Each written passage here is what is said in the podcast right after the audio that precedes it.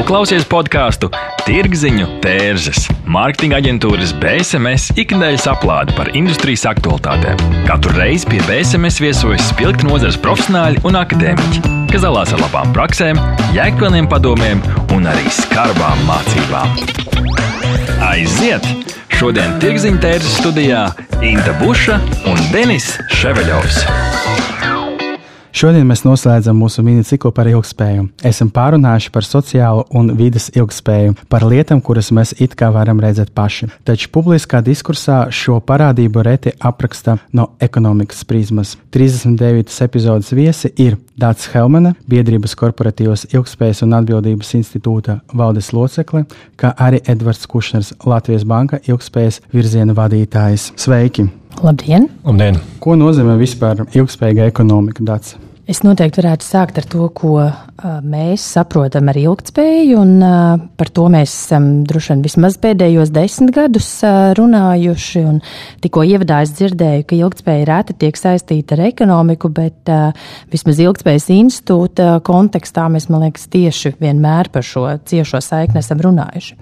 Un mūsu izpratnē ilgspēja tas ir rezultāts tādai risku un procesu vadībai uzņēmumā vai jebkurā citā organizācijā, kas ir vērsta ne tikai uz, uz pašas organizācijas, nu, tā skaitā arī droši vien finansiāliem panākumiem un, un, un tādu pastāvēšanu ilgtermiņā, bet arī uz rūpēm pret cilvēkiem un apkārtējo vidi. Jo neviena organizācija nav uh, vientuļa sala, un arī šodien mēs redzam, ka jautājums par resursiem, tā skaitā cilvēku resursiem, ir ārkārtīgi svarīgs, lai uzņēmumi varētu veiksmīgi pastāvēt ilgtermiņā. No manas skatu punkta, ilgspēja ekonomikā ir veids, kā ekonomikas attīstību izlīdzsvarot laikā un telpā ar mūsu planētas resursiem, ar sabiedrības teiksim, tādu sociāli stabilu attīstību un panākt to, lai tie biznesa modeļi, kas tiek izmantoti, ja teiksim, tas ekonomikas lielais modelis pasaulē, kāds ir, lai tāda arī var turpināt ne tikai gadu desmitus, bet arī gadu simtus. Pretējais no šī ir, manuprāt, šī brīža pasaulē notiekošie procesi, ka mēs acīm redzami saskaramies ar lielu nelīdzsvaru starp to, cik patērē sabiedrība, cik patērē ekonomika līdz ar to un, un kādi ir resursi. Kā maz piemēram minēt, pasaulē šobrīd trūkstošākie resursi ir ūdens un celtniecības smilts, ja mēs skatāmies no tiksim, resursu apjoma. Nu, skatoties uz planētu no malas, liekas dīvaini, ka šīs planētas trūkst ūdens un smilšu. Bet mūsu uh, ekonomiskai attīstībai, mūsu uh, teiksim, cilvēku pastāvēšanai tieši šie resursi izrādījušies, ka nu jau sāk trūkt. Mhm. Jā, mēs patiesībā tieši iepriekšējā epizodē runājām arī par uh, notekūdeņu gudru izmantošanu un tostarp arī par dažādām citām idejām. Un tad tas jautājums jums, kā jūs redzat ikdienā, cik svarīgi ir paskatīties varbūt tādām ikdienišķām lietām nedaudz no citas puses un izmantot tos resursus varbūt gudrāk. Cik liela nozīme vispār ir inovācijām? Kad mēs runājam par ilgspēju? Es domāju, ka te jau pat nav jārunā par inovācijām. Man liekas, stāsts sākas ar katru no mums pašiem par to, kāda ir mūsu ikdienas paradumi. Un, ja jārunā par ekonomisko aspektu, tad to jau mēs varam pamanīt savos ikdienas lēmumos. Piemēram, man ir četri bērni, un, un es esmu sapratusi, ka mums, nu, protams, ir liela ietekme tā skaitā uz vidi, un, un, un tās, tās jomas būtiskās ir pārējās pārtikas patēriņš, tekstila industrija mm, un, un arī degviela. Tas, tās ir arī tās jomas, kam, kam pasaulē ir ļoti liela ietekme uz, uz vidi, varbūt pat viena no, no būtiskākajām. Un tad ikdienas paradumos es ļoti sekoju līdzi tam, kā vienlaicīgi atbildīgi izturoties pret vidi, pārdomāti, veicot pirkumus, patiesībā paturēt prātā arī šo ekonomisko, jeb finansiālo uh, dimensiju. Un uh, skaidrs, ka tas vienkārši ir uh, finansiāli daudz, uh, daudz, uh, daudz izdevīgāk. Un, manuprāt, līdzīgi uh, vajadzētu uh, šos uh, ikdienas paradumus uh, tā vienkārši runājot, pārnes droši vien arī, arī um, organizācijas uh, un arī, arī valsts uh, līmenī. Es domāju, ka tur šie principi ir, ir līdzīgi, un to rāda arī, arī mūsu pieredze, piemēram, īstenojot ilgspējas indeksu. Vides dimensija ir tā, kur uzņēmumi visbiežāk saka, ka šis vispār uz mums neatiecas. Jautājiet to ražošanas uzņēmumiem, kuriem ir liela ietekme uz vidi. Bet patiesībā ikvienam arī pakalpojumu nozarē strādājošam, arī jums, kas organizē šo, šo, šo ierakstu, ir ļoti liela ietekme uz vidi. Un, ja mēs sāktu ar to apziņu, ka mēs katrs ietekmējam un ka mēs varam mainīt arī paradumus, tas jau būtu liels solis. Jā, bet ir dažādi citi priekšstati par to individuālu atbildību. Tieši nesen šonadēļ ir iznācis ārā tāds video par ilgspēju eh, no kanāla Kurts Gizakt. Eh, varbūt dzirdēt, ne, dzirdējuši ļoti foršas animācijas un aizraujoša un sapratama valoda pastāstīs par dažādiem fenomeniem. Tad viņi arī eh, salīdzināja, ka ja pat viens cilvēks dzīvos ļoti ilgspējīgi, patērēs zaļi, tad uh, viņš par savu 70 gadu dzīvi varēs tikai neutralizēt to vienu sekundi no tām visām emisijām, kas tagad pasaulē esoša ekonomika notiek. Un tad mēs arī dzirdam, ka tas viss zaļas tehnoloģijas ir dārgas, un to mēs arī redzam no valsts pārvaldes puses. Kurš maksās par to visu? Es, nu, skaidrs, ka, okay, labi, es tagad tur visu būšu uh, pārstrādāšu, visu, bet, nu, ja, piemēram, ir kaut kādas arī sistēmiskas barjeras, ko pats indivīds viens pats esošu situāciju nevar ietekmēt bet mēs varam izd, iz, ietekmēt, piemēram, raža, ražotājus un tirgotājus. Protams, ka tā mūsu ietekme var būt saulaicīgi izslēdzot, izslēdzot gaismu telpā vai aizgriežot ūdens krānu, būs salīdzinoši mazāka nekā tad, ja mēs ar savu lēmumu, piemēram, ietekmēsim kādu produktu iegādāšanos vai neiegādāšanos. Bet es atbildot uz šo noteikti Edvardam būs, būs komentārs par, par ekonomisko aspektu, bet viens mums ir jāatcerās un jāieklausās tajā, ko saka šobrīd zinātnieki. Es esmu cilvēks, kurš jau ļoti daudzus gadus dzīvo ar vidas depresiju. Tas nozīmē, ka es jau vismaz pēdējos 20 gadus esmu norūpējusies par to, kā dzīvošu es, un vēl ļaunāk kļuva tad, kad man piedzima bērni, jo man nav pārliecības par to, kādā pasaulē vajadzēs dzīvot viņiem. Tā kā es ikdienā ar Vidusāzijas reģiona no uzņēmējiem saskaros, tad, piemēram, ūdens jautājums jau šobrīd ir viņu dienas kārtībā. Un, un es redzu, ka tiešām šīs klimata pārmaiņas ir.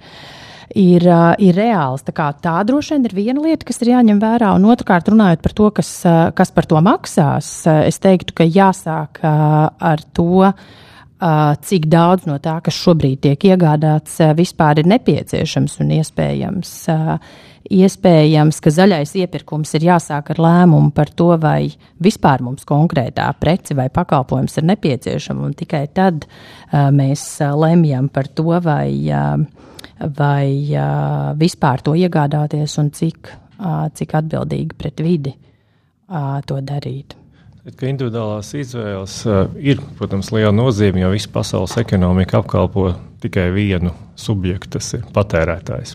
Līdz ar to, ja patērētājs kaut ko savādāk vēlās patērēt, tad uh, neviens uh, pasaulē nesāks ražot to, ko nepērk.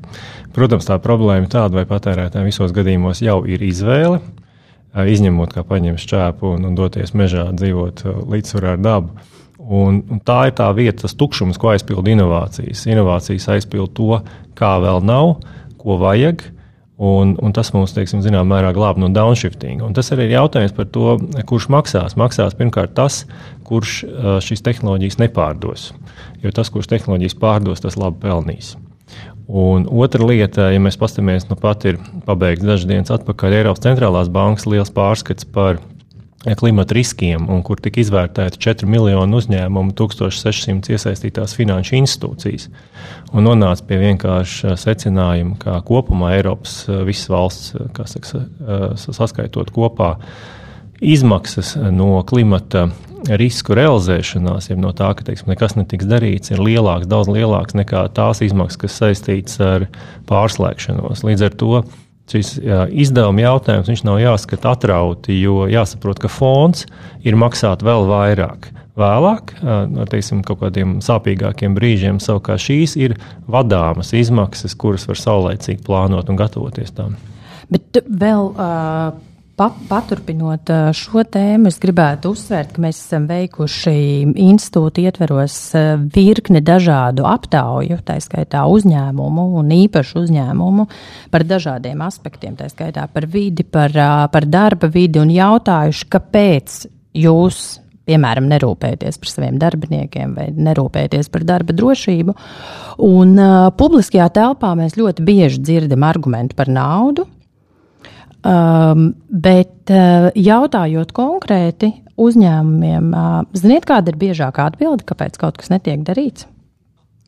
Nav variantu. Ja? Uh, es tad jums varu pateikt, priekšā biežākā atbilde ir nekas netraucē. Nauda, starp citu, ir uh, viens no retāk pieminētajiem uh, iemesliem. Uh, Biežāk netraucē nekas, traucē tikai tas, ka, ka cilvēki, jo, protams, aiz uzņēmumiem tā cilvēki nav aizdomājušies par to, ka tas vispār ir būtiski, iespējams, tas varētu būt izdevīgāk šodien un arī ilgtermiņā, uh, un, uh, un, un līdz ar to droši vien ir jādomā par to, kā veicināt izpratni. Bet uh, izmantojot arī šo platformu, es gribētu teikt, ka ka ir jāsāk uh, valstī, un valstī ir jārāda piemērs uh, privātajam sektoram, un uh, šis ir jautājums, kas personīgi mani uh, pēdējos uh, desmit gadus jau noteikti uztraucas attiecībā uz dažādiem aspektiem, kas skar ilgspēju. Vai tas nav politikas jautājums general vispār? It kā ir pieprasījums no sabiedrības puses pēc pārmaiņām kaut kādam, kas traucē, kur ir tie kāvekļi? Neteiktu, ka no sabiedrības puses ļoti skaidrs pieprasījums. Ir dažādas, dažādi viedokļi. Tas tāds, jāteic, lielā mērā ticības jautājums, kamēr nesākās nopietnākas pārmaiņas. Piemēram, nu, mēs redzam, gan nu, tajās valstīs, kurās ir klimata kādas krīzes, tur uzreiz viss atcerās par klimatu pārmaiņām. Un tajās valstīs, kur notiek kāda ekoloģiska katastrofa, viss atcerās par vidas aizsardzību.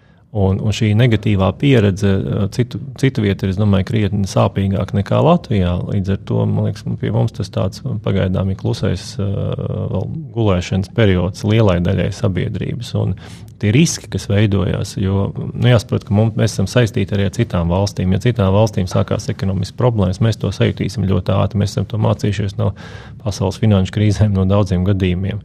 Un līdz ar to tas, ko mēs darām kolektīvi kopā ar citām valstīm, mums ilgtermiņā ekonomiski ļoti svarīgi, lai mēs veidotu šo stabilo, ilgspējīgu ekonomiku un varētu mierīgi turpināt plānot savu labklājību, neskatoties uz to, ka ir šīs, šie izdevumi. Jo izdevumi ir vienmēr arī fonā. Tas līdzīgi kā piemēram, prasība lietot ziemas riepas. Jūs varat teikt, nu, ja man bija vasaras, man tagad jāpērk vēl vienas. Ja? Pirmkārt, tas ir drošāk, jā, un tas ir bijis dārgāk. Bet, ja jūs mašīnu lietojat ilgāku laiku, jūs jau nodelbēsiet kā vasaras, tā ziemas riepas, un vienalga pirksiet. Un līdz ar to, ja jums vienalga vajag riepas, tad tas, ka jums palūdz nopirkt nedaudz piemērotākas, tā, tie nav atsevišķi izdevumi. Tie ir jūsu tekošie izdevumi, kuri vienkārši tiek šādi nedaudz piekoriģēti. Un arī no biznesa viedokļa bieži vien nu, jā, sarēķina, ka vajag milzīgas investīcijas, lai ieviestu zaļās tehnoloģijas. Bet, lai uzturētu vecās, jums arī ir vajadzīgas lielas investīcijas. Nekas nestrādā bezgalīgi. Un nevar tā rēķināt, ka šīs lūk ir jauni izdevumi, un mums pirms tam vienreiz nopirkām iekārt 50 gadu darbinam. Nu, kurā vietā? Man savulaik Denis politikas studijās mācīja, ka ka visu pasaulē virza divas lietas - nauda un seks. Un tad ir katru reizi jāizšķir vienkārši, kurš ir konkrētais tas virzītājs spēks. Un es pieņemu, ka šajā gadījumā tā varētu būt nauda. Bet tā sanāk, tā ir arī atbilde uz to jautājumu. Kas tad var veicināt to patērētāju, vai arī, ja mēs runājam plašāk, institūciju, uzņēmumu, organizāciju un tā tālāk, kaut kādu lēmumu par labu produktiem, kas tomēr ir ilgspējīgāki un tie lēmumi, kas arī ir par ilgspēju? Es domāju joprojām par to, ka ir svarīga izglītošana. Tas jebkurā gadījumā nevar būt par, par daudz, bet man šķiet, ka izglītošanai ir jābūt tieši caur šo ekonomisko prizmu. Izskaidrojot, ka patiesībā saprotot, ka patērētājs Latvijā saskaņā ar dažādiem pētījumiem faktiski visās produktu pakalpojumu grupās joprojām izvēlas balstoties uz cenu. Tā tad izdeve, izdara savu, savu izvēli. Un uh, to saprotot, man liekas, ir svarīgi skaidrot, ka atbildība pret vidi.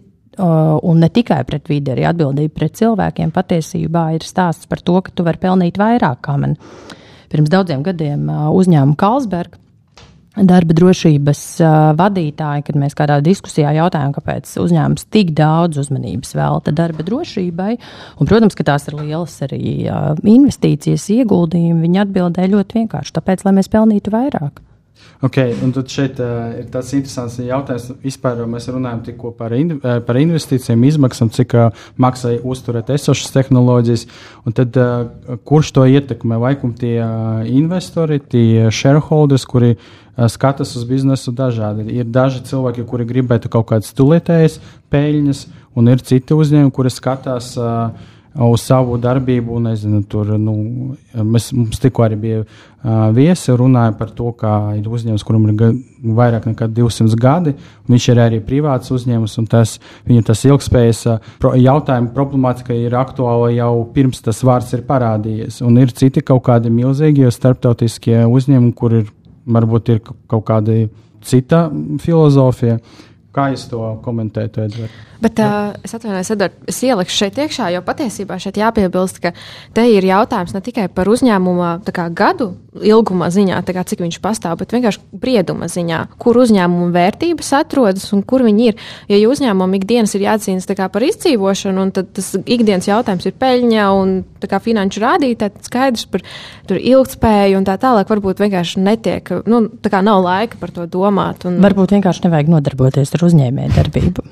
Nu, tas ir vēl cits jautājums, jā, mēs varam tā skatīties. Es teiktu, ka tas ir cieši saistīts, jo, um, protams, nevienu nevar piespiest uh, rēķināt un, un plānot ilgtermiņā. Nevienu nevar piespiest uh, kārtīgi sekot līdz uzņēmumu finansēm. Un tas, kurš uh, mokās ar to uzņēmēju darbību, iespējams, viņš arī mokās tāpēc, ka viņš kaut ko nesaprot no sistēmas kopumā, un tajā skaitā arī no tādiem elementiem, kas ir saistīti tālāk nākotnē. Bet uh, lieliem uzņēmumiem, es domāju, šis ir uh, nu, būtībā izdzīvošanas jautājums, jo no investoru puses, no banku puses šīs uh, intereses par ilgspējīgu biznesu un prasību būtībā pēc tāda jau šobrīd formulējās un, un tiks definēta vēl precīzāk. Tas nozīmē, ka uh, uzņēmumam, kurš vēlas saņemt finanšu pakalpojumus uz izdevīgiem nosacījumiem, ja, uh, kurš vēlas biržā startēt, uh, tie jau ir obligāti domāšanas elementi. Ja tu esi neliels reģionāls uzņēmums, kurš dzīvo savā sulā un iespējams pa lielam dara visu pelēkajā sektorā, var, protams, kādu laiku šādi turpināt, bet, ja skatās ilgākā laika posmā, tad nesaprast, nezināt šīs lietas. Nu, kaut kā elektrība vienalga vajag pirkt. Un, ja tu, teiksim, tev, tev, tev nav interesi par to, kā šī elektrība radās un kāda ir valsts politika, tad Un uzņēmēji jau arī ir tie, kas pieprasa bieži vien šo politiku, lai viņa ir stabila uzņēmēja darbības vidi veicinoša. Ja tas nenotiek, tad, tad nu, te ir tā, tā, tas pārāvums starp valsts politiku un, un biznesa interesēm, kad viena prasa, lai tas ir viss labi šodien, un otra prasa, lai tas ir labi un pārskatām desmit gadu perspektīvā. Nu, tad jautājums arī, kāda ir valsts un sabiedrības interese. Sabiedrības interese, manuprāt, ir pastāvēt. Un attīstīties, nevis padzīvot kādu gadu un kaut kur pazust. Ja mēs skatāmies no šādas prizmas, es pilnīgi piekrītu. Ļoti, ļoti labi tas izklausās, bet kā tad mēs ar praktiskiem rīkiem varam veicināt šādu domāšanu? Gan uzņēmēja darbības līmenī, gan arī jau individu, individuālā līmenī. Viss sākās ar izpratni, ar to, ka cilvēki seko līdzi tam, kas notiek pasaulē, seko līdzi kādiem teiksim, pētījumiem vai, vai, vai analītiķu domām.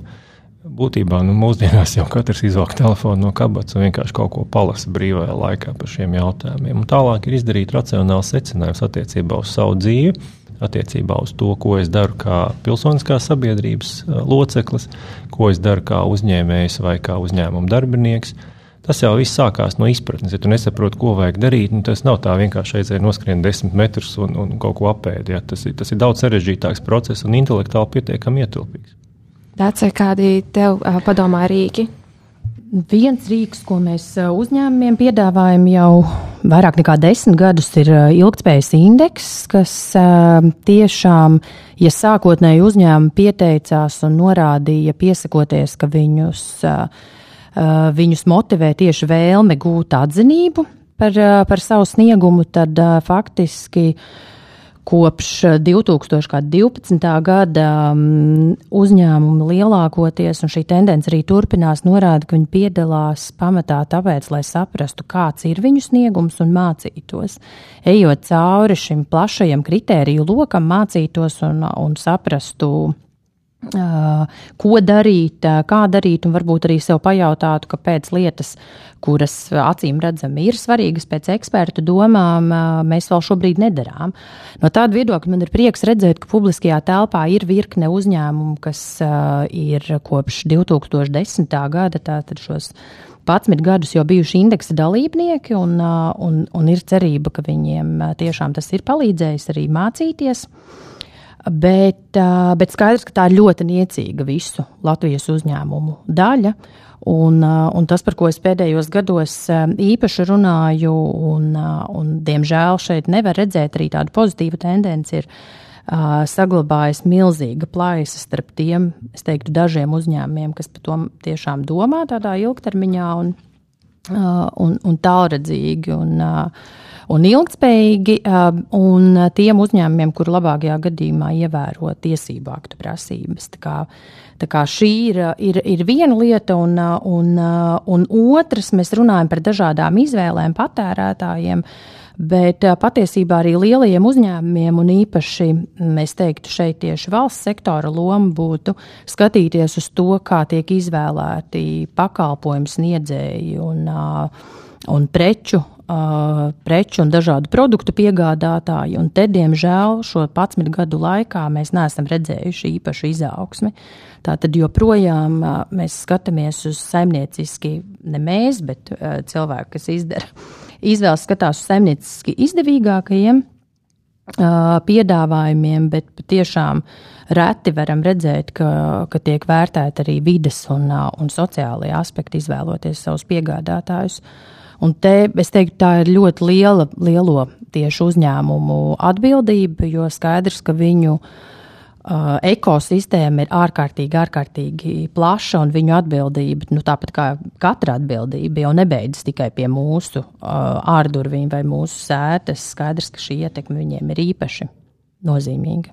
Edvards, kāda ir pasaules prakse attiecībā uz uh, publiskiem iepirkumiem un uh, ilgspēju? Nu, ļoti dažādi, bet nu, loģiski, ka tas ir viens no instrumentiem, kā var ietekmēt uh, valsts no savas puses. Bet es teikšu, tā, ka tas nav noteikti tas uh, svarīgākais instruments. Tas ir tāds būtībā papildus stimuls uh, tajā brīdī, kad sistēma jau ir krietni vairāk sakārtota.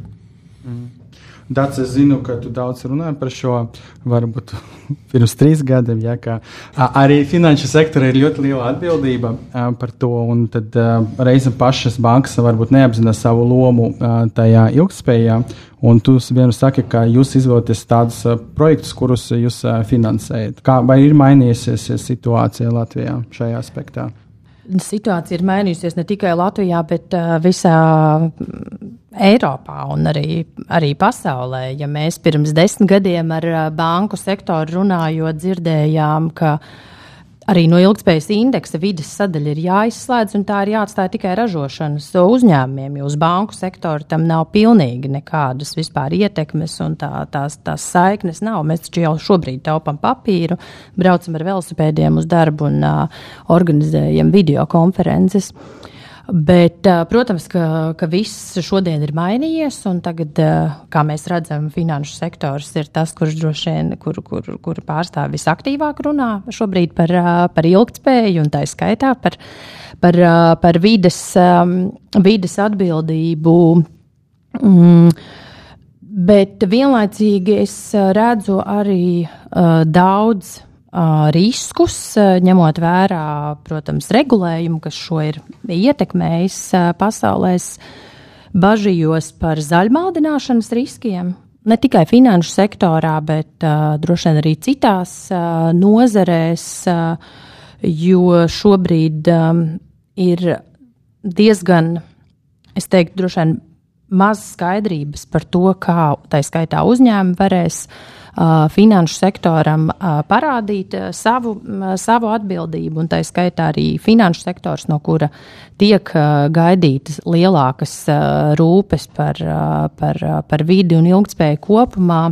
Kā savukārt viņi varēs demonstrēt savu atbildību. Un kā piemērus var minēt arī vienu, vienu tā skaitā arī finanšu nozares uzņēmumu, kas uh, pirms kāda laika tieši um, arī aktīvi interesējās par, par klimata neutralitātes tēmu, un tad, uh, un tad um, pēc kaut kādām pāris nedēļām, varbūt mēneša, uzņēmums jau paziņo, ka ir sasniedzis klimata neutralitāti. Un tās, man liekas, ir tādas situācijas, kas uh, nu, kas personīgi mani šobrīd dara uzmanīgu un, un, un tādus iekšējus man jautājumus raisa, kā ne tikai finanšu nozarē, bet, bet vispār droši vien biznesā kopumā. Ko, ko tā skaitā es vai mēs kā institūts varētu darīt, lai šo zaļmaldināšanu pēc iespējas izslēgtu? Šis ir ļoti interesants moments. Izdom, vispār es visu laiku domāju, kā mēs varam runāt par ilgspēju tīri mārketinga ziņā, es domāju, ka daži tirgzini jau saprata, ka tas ir labs labels un varētu uh, spodrināt zīmolu, bet tā tas nestrādā, jo ilgspējības būtība ir kaut kas cits. Risinājumu cenu un kā jārīkojas, kur jāinvestē šodien, lai panāktu pārmaiņas līdz 2050. gadam, kā vidējs un mazais bizness var iekļauties šajā procesā. Par šo parunāsim pēc neliela pārtraukumā. BSMS tas ir zīmola pārdošanas un mārketinga atbalsts, stratēģijas, satura un menedžmenta pieredze kopš 1999. gada. BSMS nodrošina radošas, tradicionālas un digitālās pārdošanas veicināšanas kampaņas un konsultācijas. Apmeklē mūsu mājaslapu www.bsms.lv un uzzini vairāk! Jā, pirms uh, mēs uh, turpināsim ar uh, pieteiktu tēmu, gribētu noslēgt iepriekš. Tad, tad uh, jūsu Delfu rakstā arī bija interesanta doma, ka ir kaut kāda pasaule, pastāv simts investori, kuri jau sen domā par ilgspēju, par tur, kur viņi finansē, iegūda naudu, ka jābūt. Uh, Tas arī ir kā labs piemērs. Tas ir piemērs par patiesībā vairāk par 600 investoriem, kas šobrīd jau pārstāv vairāk nekā pusi no pasaules aktīviem. Faktiski tas ir tikai tāda ilustrācija, nav kaut kas stāsts par kādu pagrīdes organizāciju, bet tikai ilustrācija tam, ka šobrīd ir sasniegts zināms pagrieziena punkts pasaules biznesa domāšanā, nekas vairāk. Un, un tas nozīmē, ka uzņēmumi beidzot, vismaz lielie, kas tiešām plāno savu, savu darbību gan, gan 50, gan 100 gadu perspektīvā, Viņi saprot tos riskus, kas rodas no šī līdzsvara trūkuma pasaulē un, un pieprasa faktiski ar, ar šo savu kopīgo darbību ne tikai uh, tiem uzņēmumiem, kur aktīvus viņi pārvalda, mainīt politiku, bet arī lai, lai valsts uh, un pasaules politiķi tomēr uh, šo, šo uh, ņem vērā un iestrādā valstu turpmākajos attīstības plānos. Un, manuprāt, tā ir ļoti loģiska prasība, jo tie, kam ir nauda, tie arī visvairāk zaudēt. Var, Kas attiecās uz finanšu sektoru, gan īpaši Latvijā, kur Latvijas banka ir viens no, no šī procesa uzraugiem, es teikšu, ka tur diez vai mums vajadzētu uztraukties par uh, sektoru izpratnes uh, teiksim, tādu pilnīgu trūkumu. Mēs pamazām šobrīd to veidojam, bet no, no tāda uzrauga viedokļa es teiktu, ka cerēt, ka ar ceļmaldināšanu varēs tikt klāt pie finanšu sektora finansējumu un, un tā mierīgi turpināt biznesu, vienkārši kaut kur izblēdot uh, naudu caur mārketingu, tas neies cauri. Jo? Tādēļ, ka ir pietiekami instrumenti, lai šīs situācijas atklātu. Un, es domāju, ka līdzīgi kā ar naudas atmazgāšanas gadījumiem, faktiski tās nozīmēs arī attiecīgiem bankas klientam krietni lielākas problēmas nākotnē strādāt ar finanšu sektoru. Un es domāju, pēc pāris gadījumiem teiksim, tā mācība būs un, un, un tā attieksme mainīsies.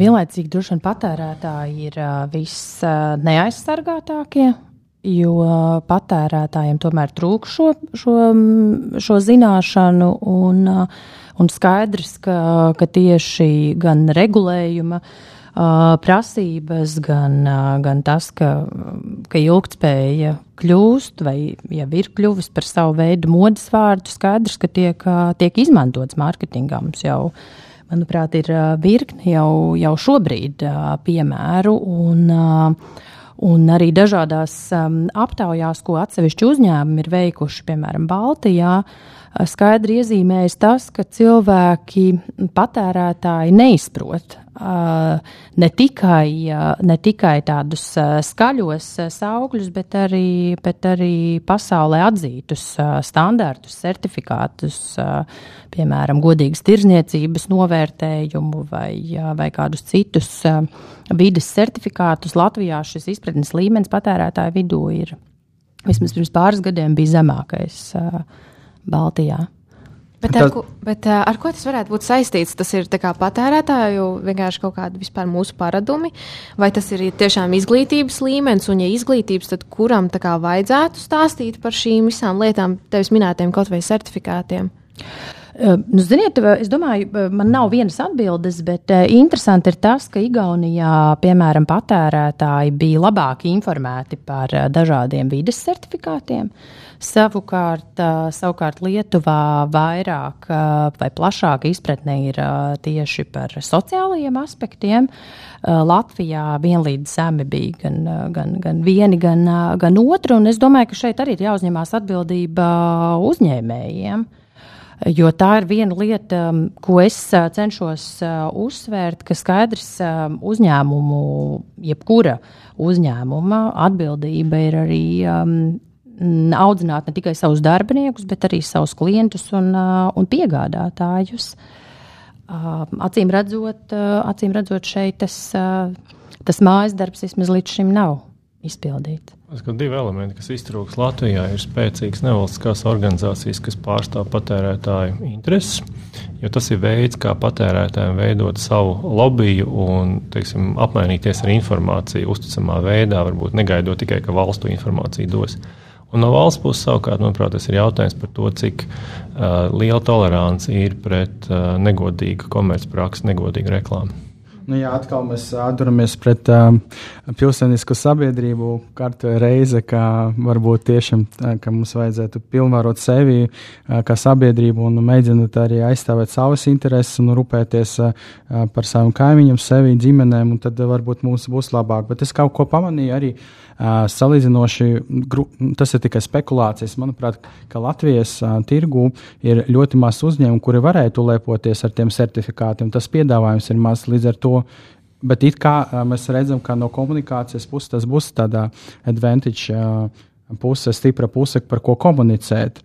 Un varbūt uh, Igaunija ir daudz labāks tas, uh, un lielāks pie, piedāvājums. Droši vien jau varētu daudz spriest par to, kas ir uh, pirmais, vai uh, vista vai ola arī šajos, uh, šajos uh, jautājumos, nu, piemēram, nesen pie manis vērsās viens ražošanas uzņēmums, kas tieši jautāja, vai, piemēram, viņiem vajadzētu pāriet uz vidē draudzīgāku iepakojumu, kāds šobrīd ir patērētāja noskaņojums vai patērētāja sagaida šo. Un, un tad, protams, Eiropas zaļā kursa ietveros un, un kontekstā ar visu to, ko mēs runājam, protams, tas raisa jautājumus ka, ka ražošanas sektorā ir sajūta, ka vēl ir laiks dzīvot tā kā, tā kā līdz šim. Jo man šķiet, ka laiks ir jau, jau beidzies, sen, sen, jau sen pagājis. Un, Un, nu, jā, es domāju, ka ļoti daudzi vadās pēc principa, ka patērētājs vienkārši to šobrīd neprasa un ka cilvēks skatās uz zemāko cenu. Bet es Jau pirms daudziem gadiem, sākot ar šiem jautājumiem strādāt, uzņēmumiem mēdzu norādīt, un arī tagad turpina to darīt, ka vienmēr jau var gaidīt, kad um, nu, pienāks kaut kāds brīdis, kad uh, patērētāji vai kāds cits to, to prasīs. Bet, uh, uh, man liekas, tomēr ir svarīgi būt pirmajiem un tiem, kas uh, iezīmē varbūt ceļu uh, citiem. Jo visi pārējie jau būs, visi, kas nebūs pirmie, tiem visiem nāksies sekot vai nu saviem konkurentiem, vai, vai ja, ja, ja tiks sagaidīts brīdis, kad tās jau būs tiesību aktu prasības, tad tas vienmēr ir daudz sarežģītāk. Protams, ka tas nozīmē visticamāk to, ka kādu brīdi uh, Uh, nu, vienalga, vai tas būtu indivīda vai organizācijas līmenis, uh, tev varētu nākties justies tādam ļoti vientuļam. Rādīt priekšzīmi, respektīvi, citiem. Jā, jā rādīt priekšzīmi.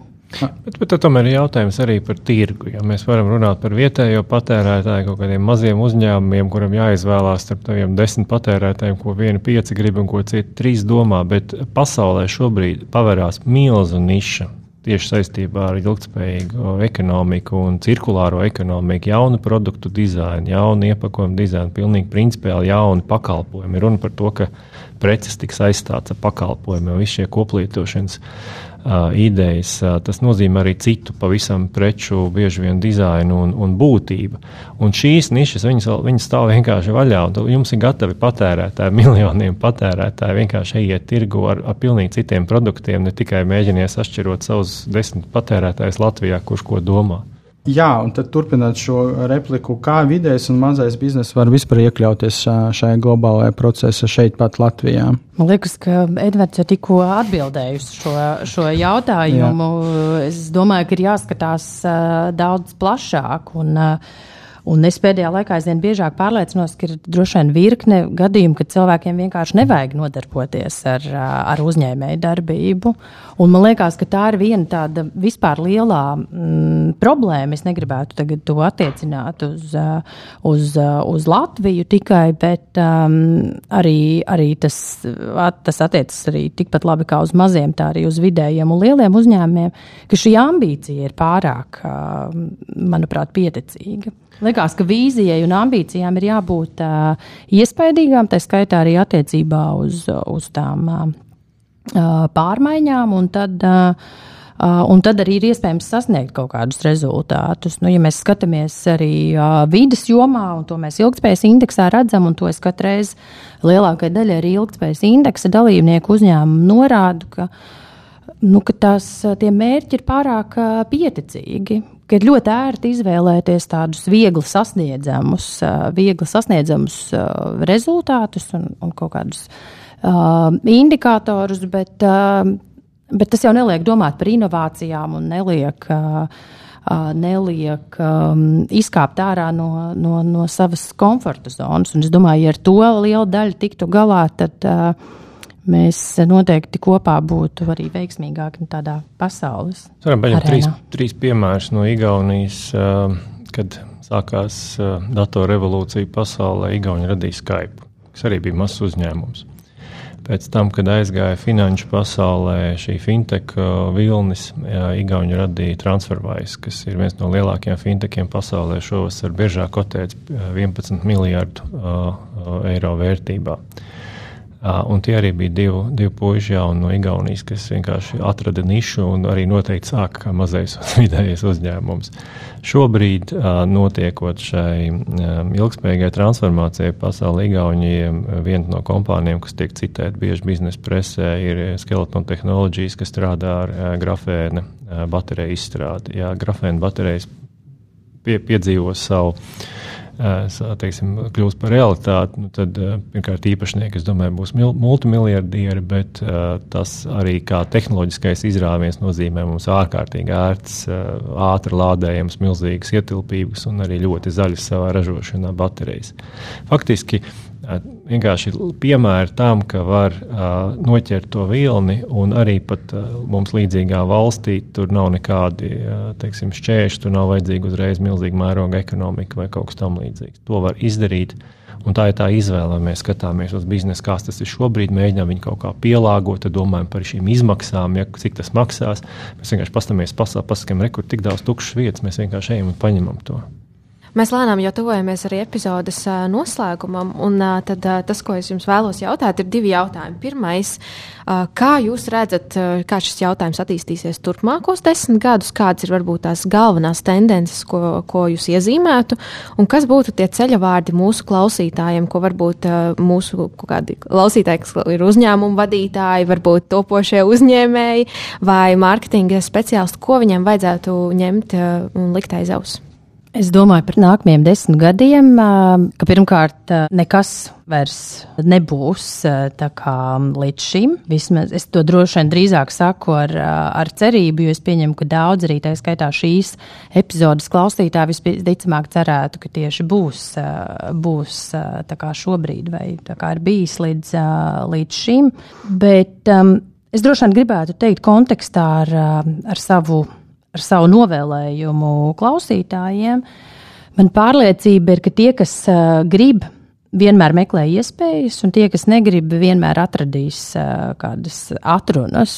Un, uh, un personīgi tas ir tas, kas uh, man vienmēr liek uh, pārvērtēt. Uh, tieši šī doma man vienmēr liek pārvērtēt. Uh, katru no lietām, ko es daru, vai, vai, vai, vai katrā situācijā, kad es saku, ka kaut kas nav iespējams, vai kaut kam nav laika, vai kaut kas ir pārāk, pārāk dārgs, es, es jautāju, vai patiešām tas ir īstais, īstais iemesls. Man liekas, ka šobrīd mēs esam tādā situācijā, ka mēs nevaram meklēt atrunas. Un, ja patiešām mēs gribam arī kā sabiedrība tā skaitā pastāvēt, un es, piemēram, ļoti uztraucos par, par, par, saviem, par saviem bērniem un, un droši vien viņu bērniem, tad, tad es saprotu, ka kaut kas, kaut kas ir jāmaina. Un, un, un es ļoti ceru uz to, ka šī apziņa arī arī gan privātajā sektorā, gan,